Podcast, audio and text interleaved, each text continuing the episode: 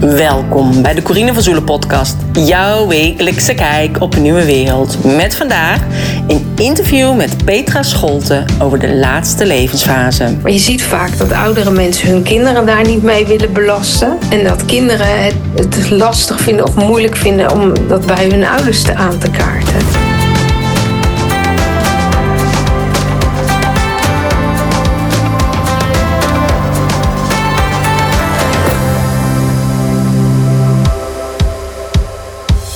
Vandaag een interview met Petra Scholte. En Petra Scholte is haar hele leven eigenlijk al werkzaam in de zorg. En sinds 2013 is ze zich gaan verdiepen in stervensbegeleiding. En heeft ze zich daarin gespecialiseerd als zorgprofessional. En ook gewerkt bij diverse hospice. Uh, ze heeft vele mensen mogen begeleiden en daarom ook veel kennis en ervaring opgedaan in de palliatieve zorg. En tijdens haar werk in die hospices zag ze hoe mensen een hele rustige omgeving en een goede begeleiding tot zichzelf konden komen. En dat was niet het geval in bijvoorbeeld een verzorgingstehuis. Dus vandaar dat zij besloten heeft om te zorgen dat het meer bespreekbaar kon, gemaakt kon worden. Van hoe ziet nou die laatste levensfase eruit? Die laatste maanden, jaren van je leven. Maar ook uh, een uitvaart, dus, maar dus ook de nalatenschap, zeg maar, een digitale nalatenschap of een gewone nalatenschap. Dus meer hierover heb ik met haar besproken in deze podcast. En ik denk dat het heel interessant is voor iedereen. Want als er één ding duidelijk is, is dat we allemaal een keer doodgaan. En dat het dus heel goed is om dit soort dingen te bespreken met de mensen bij je in de buurt. Maar dus ook met je ouders of met je kinderen als je zelf al wat ouder bent. En aan de andere kant, je hoeft er niet heel oud voor te worden. Ik weet natuurlijk uit eigen ervaring dat je ook heel jong iemand kan uh, verliezen. Um, maar Petra is dus echt in haar praktijk, geeft zij dus voorlichting en begeleiding bij die laatste levensfase. Wat dus echt, naar mijn idee, super belangrijk is. Vooral als jij zelf heel graag altijd de regie van je leven wil hebben, waarom dan niet ook die regie behouden uh, in die laatste levensfase? En waarom niet jouw wensen kenbaar maken aan uh, je nabestaanden van wil je wel of niet gereanimeerd worden mocht er iets gebeuren.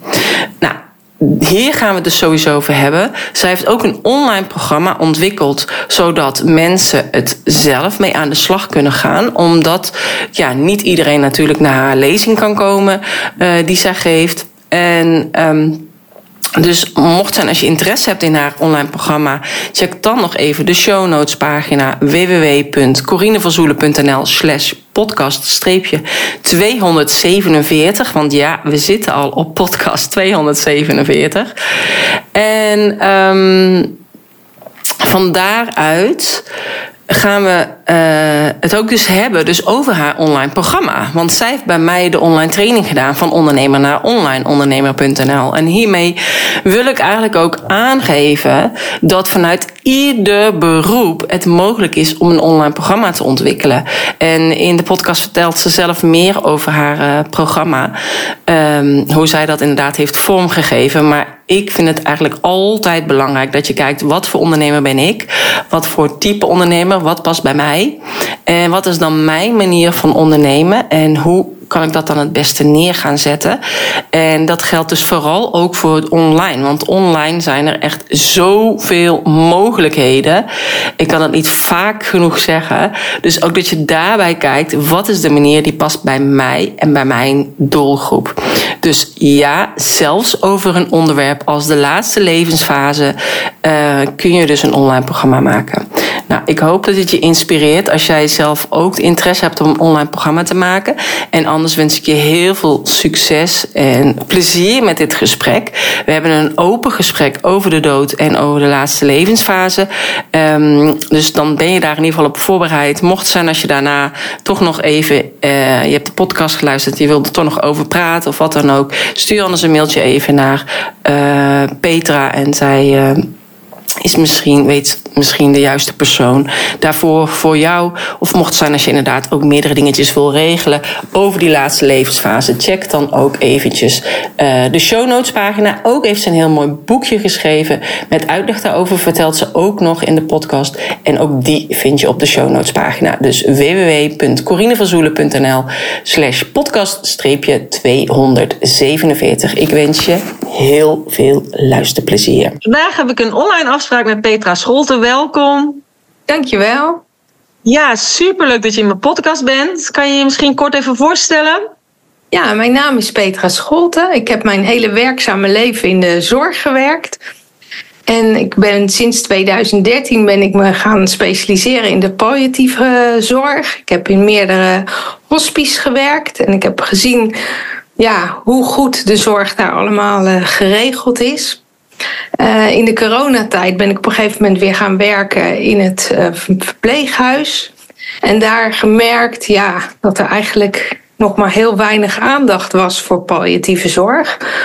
Dus toen kwam bij mij het idee om voor mezelf te beginnen. Ik ben toen mijn eigen praktijk uh, gestart in voorlichting en begeleiding in de laatste levensfase. Mm En gemerkt dat er vooral heel veel behoefte was aan een stuk voorlichting. Mm um, mensen hebben ja, vaak heel veel tijd gespendeerd in bijvoorbeeld het kopen, kopen van een nieuwe keuken of het uh, aanschaffen van een auto. Daar gaan we heel erg uh, ja, ons in, in verdiepen. En zoiets als de, ja, de dood, dat schuiven we eigenlijk een beetje voor ons uit. Daar willen we liever niet bij nadenken. Ja, met als het gevolg dat mensen totaal ja, overvallen werden en eigenlijk niet goed wisten nou ja, wat de mogelijkheden waren. En ja, wat ze dan eventueel daarvoor keuzes in konden maken. Ja, ja, ik vind het wel grappig, want eigenlijk heel vaak heb ik mensen, inderdaad ook in mijn podcast, maar ook die ik inderdaad in mijn omgeving ken, die door corona eigenlijk totaal iets anders zijn gaan doen. Dus het is wel grappig om te merken dat jij ook na corona, dat jij zegt, ik ben dan, ik daar die verandering en dat je voor jezelf bent begonnen om die voorlichting te gaan geven. Dus heeft corona toch ook weer een positief uh, effect gehad uiteindelijk op jou? Ja, zeker. zeker. Ja. Maar ja, jij zegt... met name de gesprekken die ik toen ging voeren, ja, dat was natuurlijk heel tijdrovend. En ja, dan kwam ik bij iemand en dan wilde ik eigenlijk zoveel vertellen, omdat ik ook zeg, zag ja, dat er heel weinig uh, kennis was. Dus dan wilde ik eigenlijk vertellen over palliatieve sedatie en het hospice. En, maar ook nog eens uitleggen wat je allemaal kon regelen. En ja, dat maakte dan dat het eigenlijk te veel was voor in één voorlichtingsgesprek. En ja, toen kwam ineens nou, jij voorbij met het idee van uh, online ondernemer worden. En toen dacht ik, ja, dan kan ik gewoon een heel programma gaan samenstellen waar ik mensen op een hele goede manier kan voorlichten. En wat ze helemaal in hun eigen tempo kunnen gaan volgen. Ja, ja, super tof. Want je hebt iets heel moois gemaakt. Maar daar wil ik nog zo meteen nog even over hebben. Over jouw mooie programma wat jij gemaakt hebt. Maar wat ik me dus eigenlijk nog even afvroeg. Want jij zei dus in de verzorgingshuizen. Daar was eigenlijk helemaal niet zo'n goede zorg. Met betrekking tot het einde. Of dat dat totaal anders is als bij een hospice. Zijn die mensen dan anders opgeleid? Of worden die dan echt inderdaad alleen maar voor het zorgen opgeleid? Of wat is dan dat daar dat verschil in is? Dat het zo'n groot verschil is. Want je weet toch dat als mensen in een verzorgingsstage zitten, dat ze uiteindelijk ook doodgaan. Nou, ik denk dat je gelijk de spijker op zijn kop slaat. Dat daar het grote verschil in zit. Als mensen naar een hospice gaan, ja, dan is het overduidelijk van hé, je hebt nog drie maanden te leven. Want dat is de levensverwachting als iemand naar een hospice gaat. En dan is het overduidelijk dat iemand daar komt om te gaan overlijden. Dus eigenlijk in het kennismakingsgesprek wordt er al gevraagd van uh, het was dan een van de vragen van wat wordt de laatste kleding? Hè? De, de vraag van, goh, ga daar eens over nadenken en ga iets hier klaarhangen. Dat wij weten van nou, als je overlijdt, dan kunnen we je die kleren aantrekken. En dat was voor mensen heel schokkend. En aan de andere kant was er gelijk iets neergezet. Er was openheid, het mocht er zijn, er mocht over gesproken worden. Terwijl mijn ervaring uit de verpleeg- en verzorgingshuizen was dat de dood als een soort grote roze olifant midden in de kamer stond. Maar het was wel iets waar niet over gesproken werd. Dus we deden eigenlijk net of het er niet was. Ja.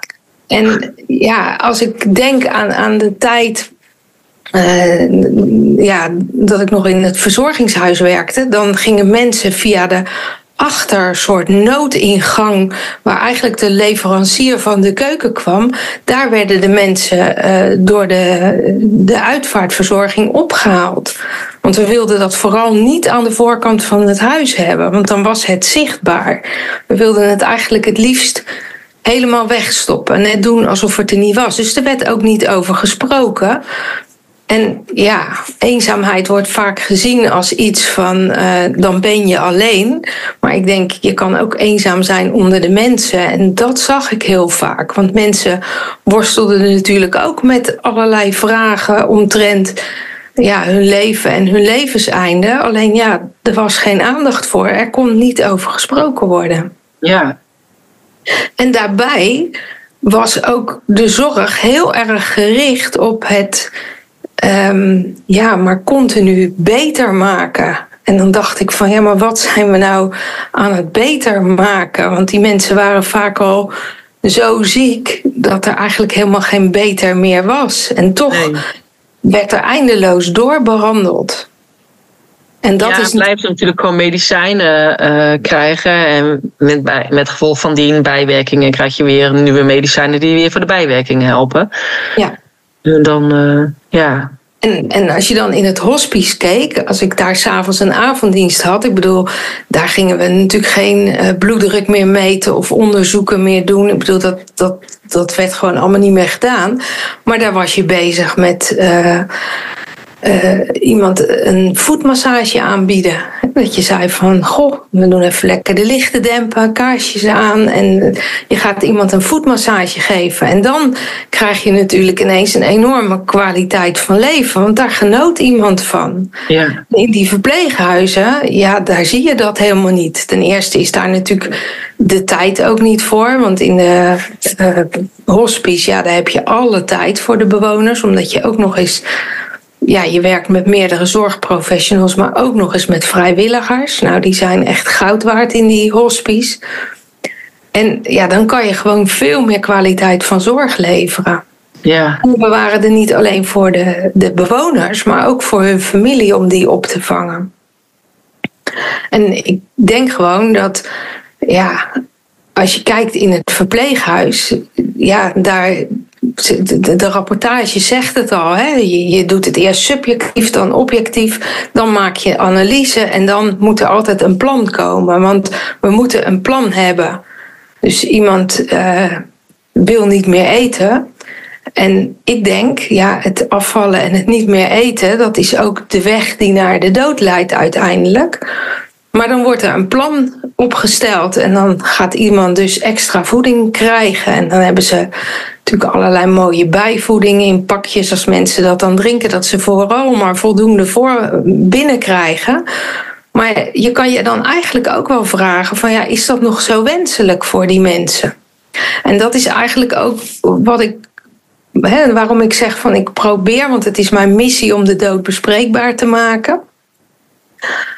Maar uh, dat doe ik vanuit de hoop dat mensen zich meer zelfbewust gaan worden en gaan nadenken van, ja, hoe wil ik dat eigenlijk? Want op het moment dat ik bijvoorbeeld uh, te maken zou krijgen met dementie, wil ik dan nog wel dat mensen mij extra voeding gaan geven om maar zo lang mogelijk in leven te blijven? En heel vaak hoor je mensen zeggen: Oh, dan geven ze mij maar een spuitje. Maar ik denk, er is nog zoveel um, onbekend bij een hoop mensen. Van denk nou eens goed na. Van hoe wil je nou vorm gaan geven aan jouw laatste levensfase? Of kinderen die oudere ouders hebben. Van hoe wil je hen daar in gaan ondersteunen strakjes? Welke keuzes moet jij dan, als zij dat zelf niet meer kunnen, welke keuzes moet jij dan maken? Wil je, willen zij eigenlijk nog de regie voeren? Want dat is nu natuurlijk, dan wordt er niet over gesproken. En ja, dan lopen mensen op een gegeven moment achter de feiten aan. En dan zeggen kinderen, ja, maar dit had mijn vader of moeder nooit gewild.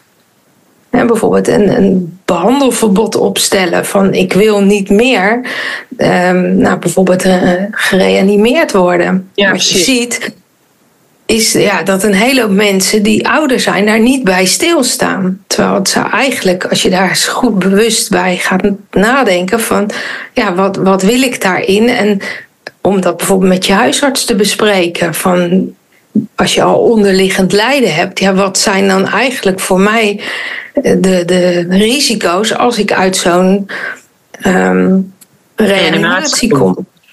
Ja, ik weet dat zeg maar bijvoorbeeld mijn schoonmoeder, die was ziek, die had COPD.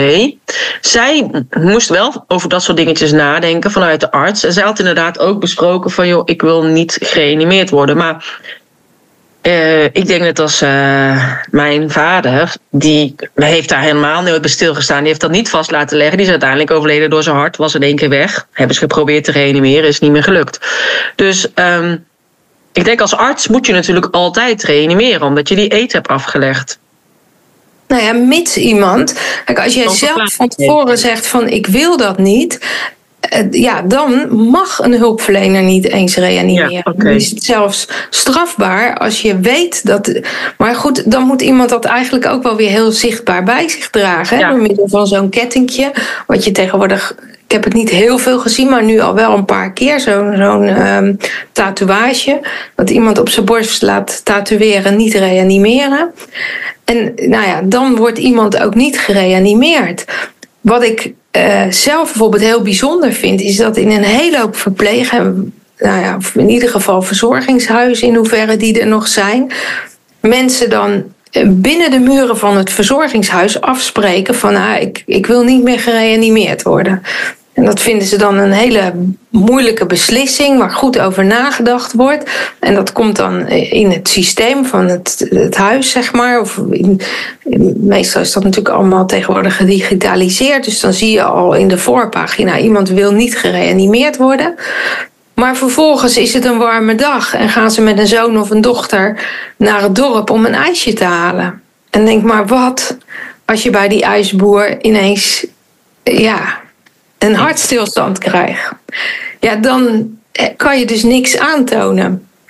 En dan staat, ja, ik bedoel, moet je je voorstellen, zo'n druk plein. En eh, er zijn mensen die direct 112 bellen. Nou, voor je het weet, wordt er natuurlijk iets in gang gezet. Dus ik denk van ja, mensen moeten daar zelf goed over nadenken. En het dan ook goed ja, bij zich dragen. Of, of in ieder geval dat toekomstige hulpverleners weten van ja, wat je wil of wat je niet wil. En dat is nu iets. Ja, er is best wel de laatste tijd heel veel aandacht voor de palliatieve zorg. Maar dat is wel allemaal vanuit um, ja, allerlei instellingen die dan weer andere zorgverleners uh, wegwijs maken in de palliatieve zorg. En ik wil zo graag juist de mensen zelf een stukje bewustzijn geven en hen wijzen op alle mogelijkheden die er zijn. Ja. Kijk, want één ding is natuurlijk zeker: we gaan allemaal een keertje dood. Ja. En de een is bam in één keer weg. En de ander heeft een lijdensweg. Ik denk dat als je inderdaad een lijdensweg hebt, dan ga je daar misschien meer over nadenken en dat meer bespreken. Hè? Dus ook inderdaad over het einde wat voor liedjes zou ik willen. Wie, wie krijgt mijn trouwring of noem maar, maar op. Dat heb je natuurlijk niet als het onverwachts gebeurt. Um, maar wat, wat denk je waarom er zo'n taboe op is? Want ik denk, we, we gaan allemaal inderdaad, wat, wat trouwen, geboorte en, en overlijden, dat zijn de, de hoofdgebeurtenissen in iemands leven, die ook het meeste, waar het meest aan verdiend wordt in die branches, waar ook het meest geld aan uitgegeven wordt. Want ook als je gaat trouwen, maar ook bij ja, je trouwt maar één keer. De meeste mensen gaan daarvan uit. En uh, het doodgaan doe je sowieso natuurlijk ook maar één keer. En, um, en ik weet ook nog bij mijn vader zo van ja, maar hij heeft het verdiend. We doen de beste kist. We doen dit, we doen dat. Weet je, dus dat was ook natuurlijk met mijn vader. Want dat heb je dan ook, want die emoties spelen allemaal mee. Um, maar, maar wat is het dan dat er zo'n taboe heerst op de dood of zo? Weet jij dat? Wat, wat dat dan is? Waarom mensen dat voor zich uitschuiven? Ja, ik denk dat het gewoon een heel uh, beladen en moeilijk onderwerp is. Maar ik denk als ik kijk naar uh, de jongeren en ook de jongere ouderen. Dus ja, eigenlijk ga ervan uit dat iemand van 65, die is natuurlijk uh, ja, bejaard. Die komt in zijn laatste levensfase. En deze groep staat er al wat meer voor open. Maar de generatie daarboven, ja, die zijn natuurlijk opgevoed vaak in grote gezinnen waar niet over emoties werd gesproken en waar toch ook wel was van, ja, waar volwassenen praten, houden kleine kinderen hun mond. En ja, dat zit daar nog wel heel erg in. En die generaties, die, werden, ja, die zijn natuurlijk ook opgevoed met ja, dat de dood werd weggestopt. Want um, ja, dat eerst was het natuurlijk zoiets dat doodgaan, dat deed je thuis. Dat was iets wat thuis gebeurde. En dat was iets wat de kinderen dan ook gelijk meekregen. Van opa lag in de hoek van de kamer en de kinderen speelden daar rondom het bed. En ja, dat was iets wat gewoon bij het leven hoorde. Maar van lieverlee zijn wij dat natuurlijk steeds meer gaan wegstoppen. En ik weet toen ik in de zorg begon, dat was, moet ik even nadenken, 1983, ja. Dat was een verpleeghuis met zes persoonszalen. Daar was helemaal geen ruimte dat familie daar kwam waken. Of, of, dus dat speelde zich allemaal een beetje af achter gesloten deuren. Dat was eigenlijk voor mensen ja, iets waar ze wat, wat weggestopt werd. En wat ik net al zei, van als ze dan overleden, dan moest dat ook via de achterdeur. Want ja, daar, daar wilden mensen liever niet mee geconfronteerd worden. Ja, Terwijl je dan denkt, hé, hey, waar is Marietje in één keer gebleven? Oh, ja. Ze is er niet meer. Nee, maar ja, dat wilde ik dus inderdaad... wel eens vertelde van vroeger, dan, als er iemand in de straat overleden was, dan werden bij de hele straat werden de witte lakens voor de ramen gehangen. Dus de hele straat leefde dan ook mee, want iedereen wist het. En nu, als ik bij mij in de straat kijk, heb je wel zoiets van: Goh, ik heb die man al een tijd niet gezien. En dan later hoor je van: Nee, maar die is overleden. Hè? We wonen hier wat oudere mensen in de straat. En denk van ja het, is natuurlijk iets wat, wat ja, weinig aandacht heeft. Ja. ja, terwijl ik denk dat het inderdaad heel belangrijk is.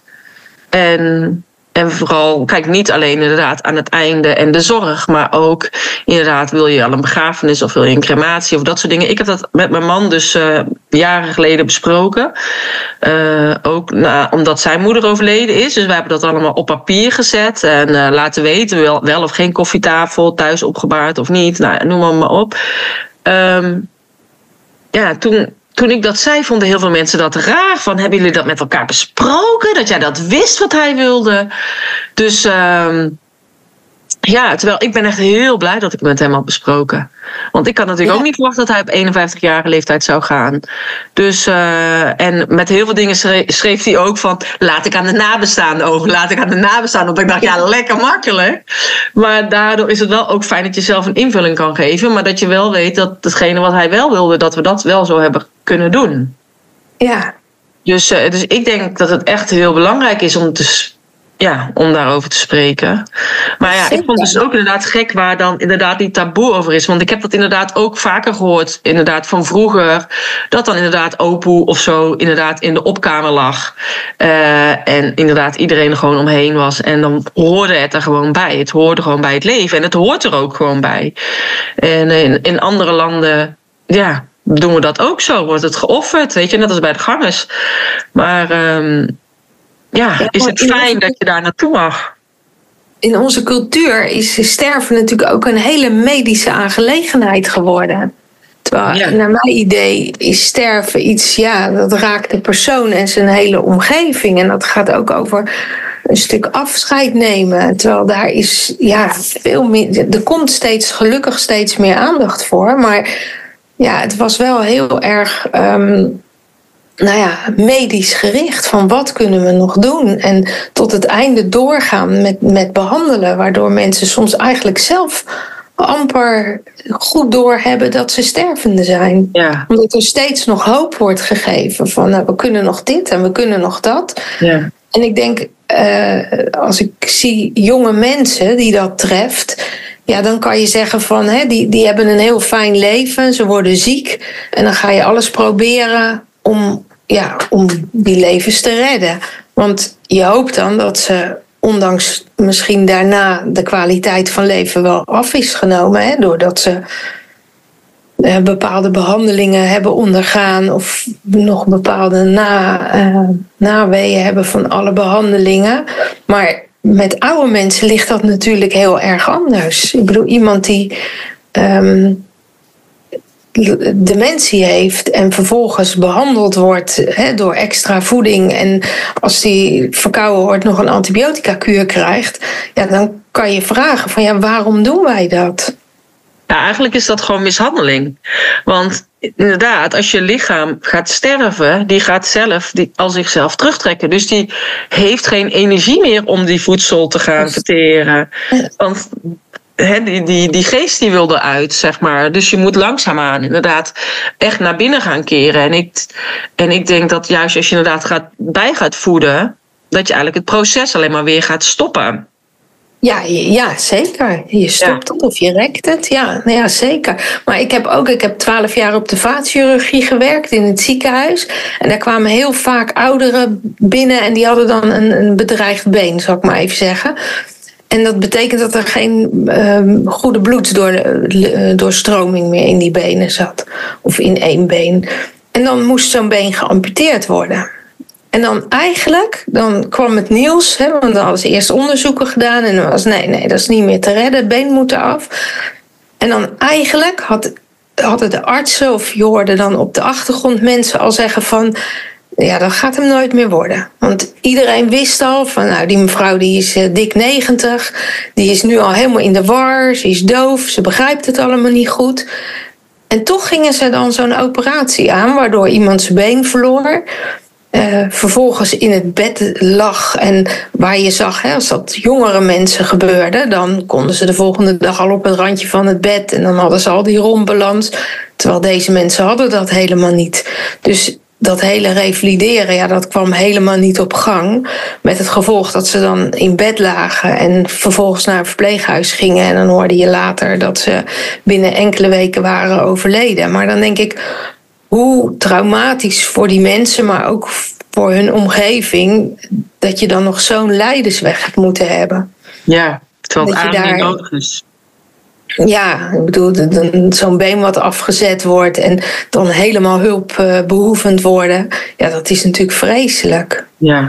Maar de familie had dan zoiets van: ja, dit, dit hadden we nooit gewild, dit hadden we nooit gewild. En dan bleek eigenlijk ook wel dat zij ja, gewoon ook niet op de hoogte waren van de mogelijkheden. Want hè, als je dan ging vragen van... goh, maar waarom hebben jullie die keus hè, met elkaar gemaakt om dit toch te doen? Dan moet ik zeggen, was daar ook heel weinig ruimte voor. Um, ja, dan zag je toch ook dat dat gebaseerd was op angst. Van ja, maar ja, dan, dan moet ze dadelijk zo. Ja, als we niks doen, dan sterft dat been af. En wat krijg je dan? En terwijl er was niet een, een er waren geen opties, zeg maar. dat een arts in gesprek ging en zei van oké, ehm, of je doet een beenamputatie en vooruitzicht is dan dat je naar een verpleeg, verpleeghuis gaat. Of we kunnen ook um, het niet doen en je dan dusdanig goed begeleiden. En als het niet meer gaat, gaan we over op palliatieve sedatie. En daar goede uh, voorlichting over geven. Want ik denk dat mensen dan wellicht hele andere keuzes zouden maken. Uh Heeft me ook verbaasd in de coronatijd. Ik was op een gegeven moment in een verpleeghuis en dat was in de tijd dat alles dicht was. Dus de familie mocht niet naar binnen. En er was een mevrouw die was helemaal verward en de familie die kwam, dat hadden we toen hè, voor het raam. Dus ging naar die mevrouw zwaaien. Nou, die mevrouw herkende haar eigen familie eigenlijk helemaal niet. Het was een, uh, een dame met dementie. En um, was helemaal, ja, helemaal verdrietig. En maar die familie eigenlijk net zo. Die waren natuurlijk net zo verdrietig. Dus het was, het was een hele vervelende situatie. En toen, eh, een week later, denk ik, toen kwamen de vaccinaties en er werd een lijst gemaakt. En ik zat in de avonddienst en ik keek de lijst door. En toen zag ik dat de familie van deze mevrouw dus ook had gezegd van, nou, dat deze mevrouw gevaccineerd moest worden. En toen dacht ik, hè, maar ze zeggen, we willen dit eigenlijk niet. En we hadden dat moeder dit bespaard bleef. Ik denk ik, en nu komt dit op de pad. En jullie willen eigenlijk er alles aan doen om haar dan toch een soort van te redden. Hè? Want dat werd toen zo gezegd. Ook ja, ja in de media. Van, waar, ja, voor onze oude mensen zorgen en ze worden gered. En toen dacht ik, maar waarvan dan? Want ja, ja dat zegt ze natuurlijk over een longontsteking ook. Old man best friend. En dan denk ik, ja, ja, waarom? En toen later via een supermarkt kwam ik zo'n dochter tegen en we hebben een gesprek daarover. En toen zegt ze: Ja, maar ja, wij wilden dat helemaal niet, die vaccinatie. Maar ja, je wil ook niet dat je moeder overlijdt aan corona, want dat is zo erg. En toen dacht ik, ja, maar ook daar, hè, want dan kan je ook als iemand inderdaad, hè, want dan wordt ze heel benauwd en krijgt ze heel veel pijn en, en dat wil je niet. En dacht, ja, maar dan zijn er allerlei mogelijkheden om dat enorm te verlichten. Ze zal dan overlijden, maar wel op een hele humane manier. Als dat goed begeleid wordt, dan kan je op een hele humane manier sterven. En dan dacht ik van, ja, maar ze, ik denk niet dat ze daarvan op de hoogte waren. Of ik mhm. denk het niet, ik weet wel zeker. Want in gesprek bleek dat ook wel. Ja. Ze hadden dan voor zichzelf een beeld van ja, dat is heel erg. Nou ja, kijk, iedereen had natuurlijk het beeld dat iedereen uh, naar lucht lag te happen op de IC uh, aan zo'n apparaat. En dat is natuurlijk ook zo. Ik heb dat natuurlijk gezien bij mijn, bij mijn man.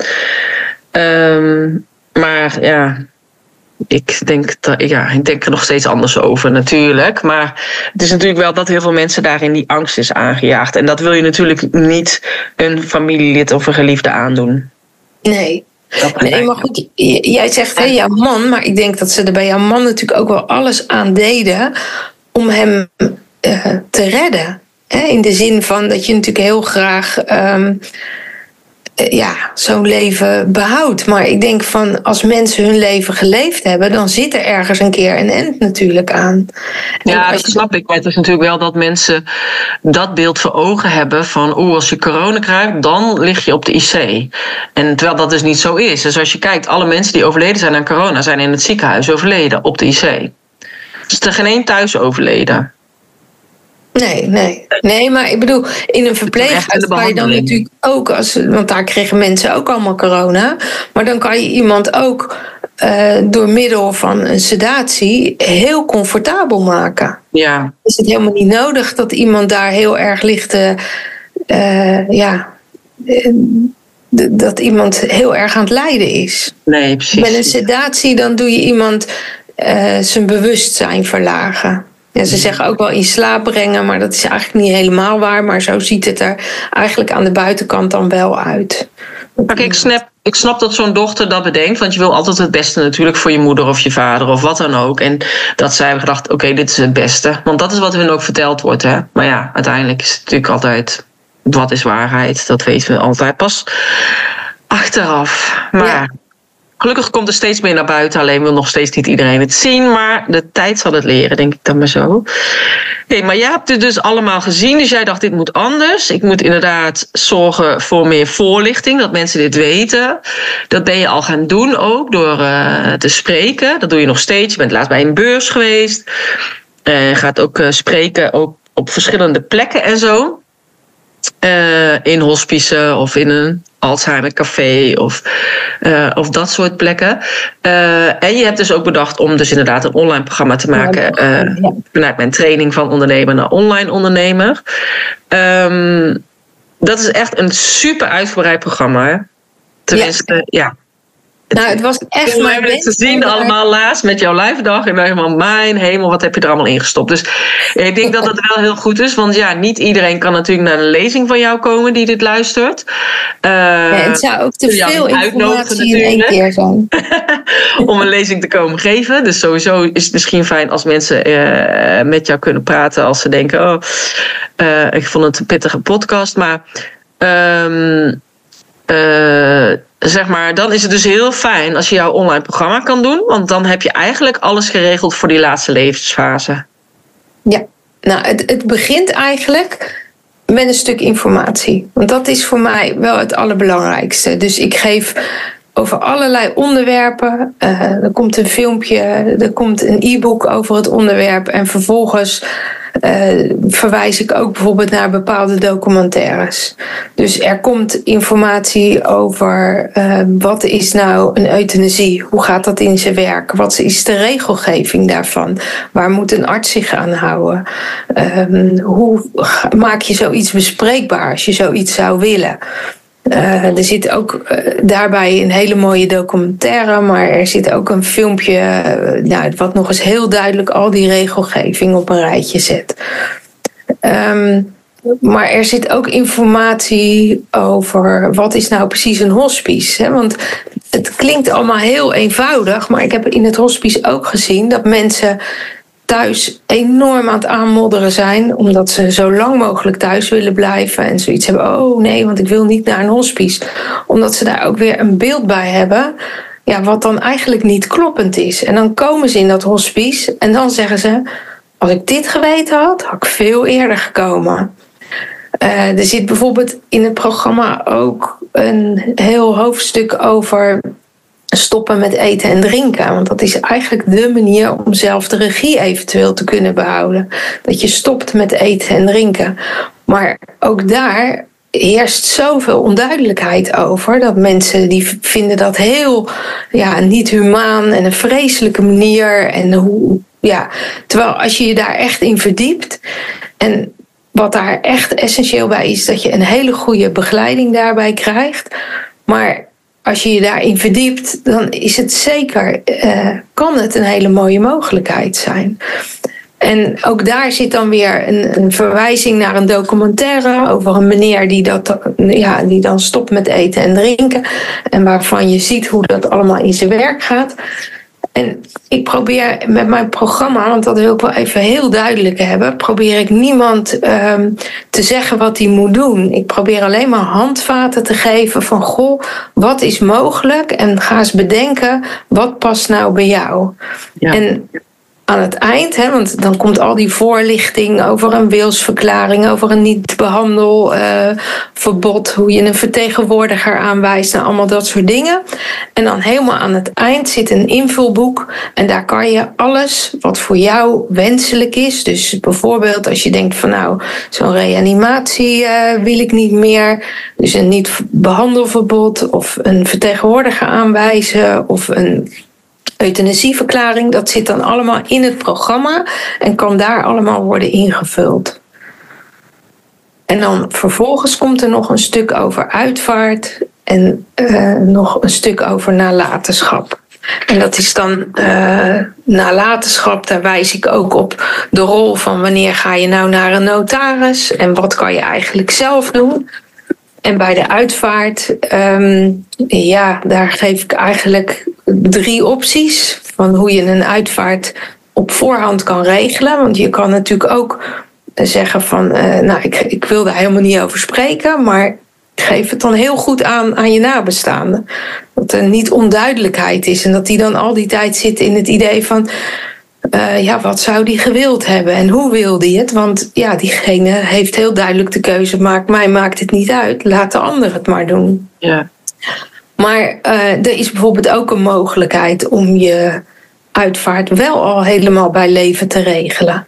En dat is bijvoorbeeld hè, mensen die een, een partner hebben die uh, lijdt aan dementie. Ja, die vinden het heel fijn dat ze denken van nou dan is dat allemaal geregeld ja, dan belast ik dadelijk daar niet die ander mee. Hè? Als er bijvoorbeeld geen kinderen zijn. Of, nou ja, er zijn wel meer redenen die je natuurlijk kunt bedenken dat mensen het fijn vinden om dat allemaal uh, op voorhand goed te regelen. Ja, maar in het programma geef ik dan weer de mogelijkheid om het in hoofdlijnen te regelen. Zodat als er wat is, dat de nabestaanden daarop kunnen terugvallen.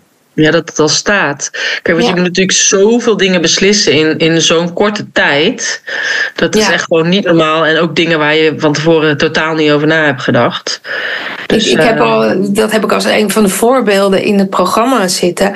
Alleen al een kist. Hoeveel kisten je wel niet hebt. Van gebruik uh, milieuvriendelijk, tot echt hout, tot gelamineerd hout, uh, wades, rieten manden, helemaal afbreekbaar in de natuur van paddenstoelen. Je hebt echt zo enorm veel. En als daar dan natuurlijk nooit over gesproken is. En mensen die zijn emotioneel, ze zijn misschien enorm vermoeid doordat ze aantal nachten gewaakt hebben. Of ze zijn totaal on, ja, overvallen. Ja, ga er maar eens aan staan. Dan moet je ineens al die beslissingen gaan nemen. En dan loop je natuurlijk ook de kans, want ja, die uitvaartondernemers weten dan natuurlijk ook wel aan te prijzen van wat jij allemaal kan doen. En mensen hebben dan toch zoiets van, nou ja, hè, het is hetzelfde als bij het geboorte, van nou ja, het moet dan maar. En dan wordt er heel veel geld uh, aan gespendeerd, wat later natuurlijk wel eens op problemen kan, uh, kan leiden. Yes, I know, I know. Maar um, ja, het is best pittig om dat te regelen. Ik denk dat het inderdaad voor ouders, maar dus ook inderdaad voor de, de kinderen. Uh, ook al zijn die kinderen ook dan natuurlijk al vaak in de 50 als het over oudere ouders gaat. Maar ik denk dat het sowieso heel fijn is als je ook dit programma regelt. Sowieso om je daarmee je kinderen en je omgeving mee te ontlasten. Zodat je al over heel veel zaken hebt nagedacht. Dus over en de laatste levensfase, maar ook inderdaad over het nalatenschap en, en je uitvaart.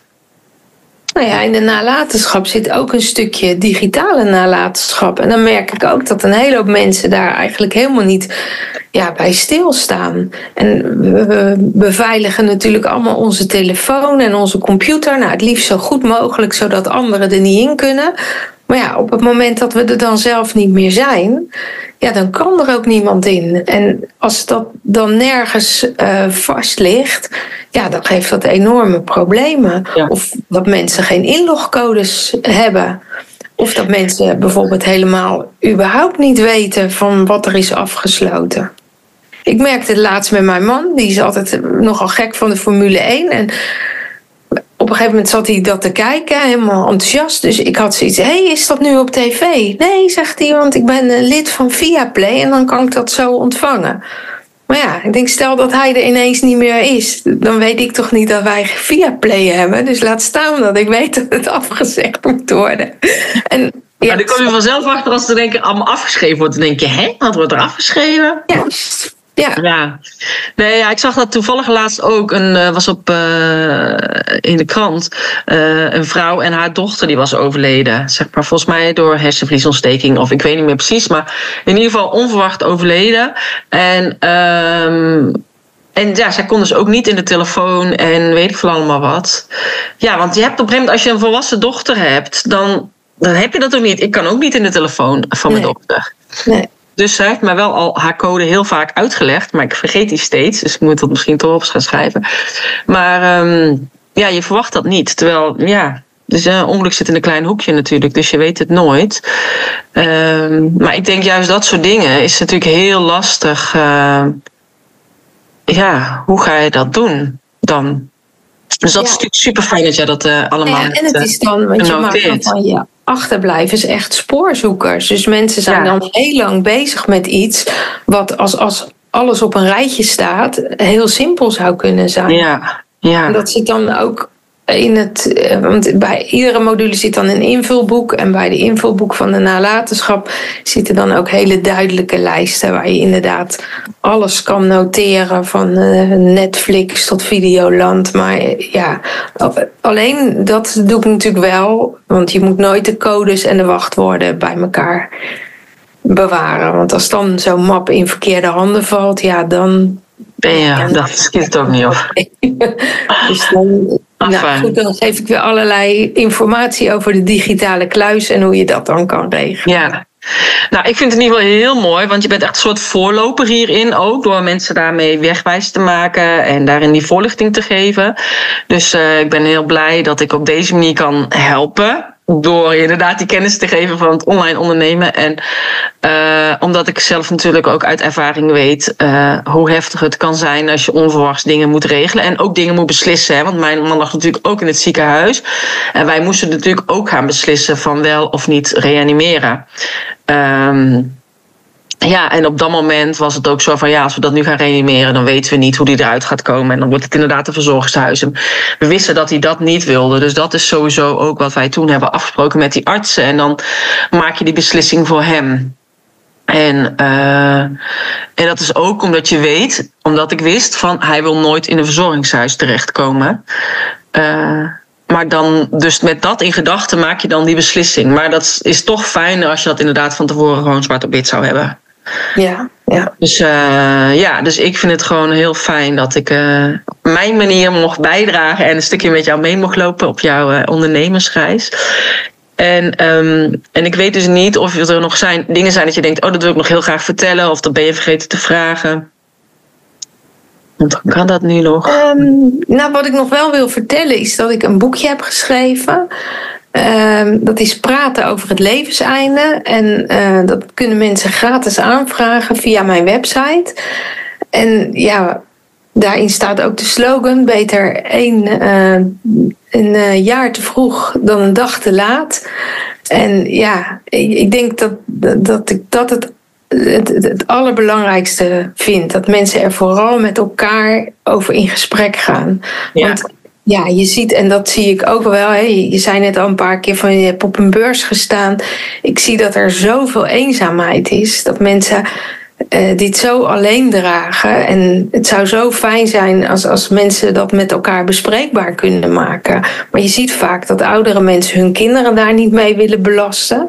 En dat kinderen het ja, het lastig vinden of moeilijk vinden om ja, dat bij hun ouders te aan te kaarten. Terwijl als eenmaal dat, dat gesprek op gang is gekomen en je gaat dat met elkaar uh, wel delen, zie je dat dat zoveel rust geeft. Ik bedoel, bij die kinderen, die hebben ook zoiets van, ja, hoe moet ik dat allemaal gaan doen? En wat, wat hangt me dadelijk boven het hoofd? Dus daar geeft het een stuk rust. En bij die ouders zie je ook ja, een stuk rust komen van, nou, het is goed, het is allemaal geregeld. En daar hebben we geen omkijken meer naar. Ja. En ja, natuurlijk, praktische zaken is ook heel goed als het geregeld wordt. Ik hoor heel, kunnen een hele hoop mensen zeggen: Oh nee hoor, bij ons is het allemaal geregeld. En we gaan. Uh, Um, we zijn bij de notaris geweest. We hebben een uh, levenstestament laten maken. En dan zeggen ze er nog even fijntjes achteraan. En uh, wij gaan voor euthanasie. Dus dat hebben we allemaal al geregeld. Nou, dat is dus iets wat absoluut niet kan. Je kan euthanasie niet op voorhand regelen. Dat is één. Punt twee, regel je zoiets met je huisarts en niet met een notaris. Want ja, een, een, een, euthanasie is, is geen recht. Je kan een verzoek doen bij je huisarts.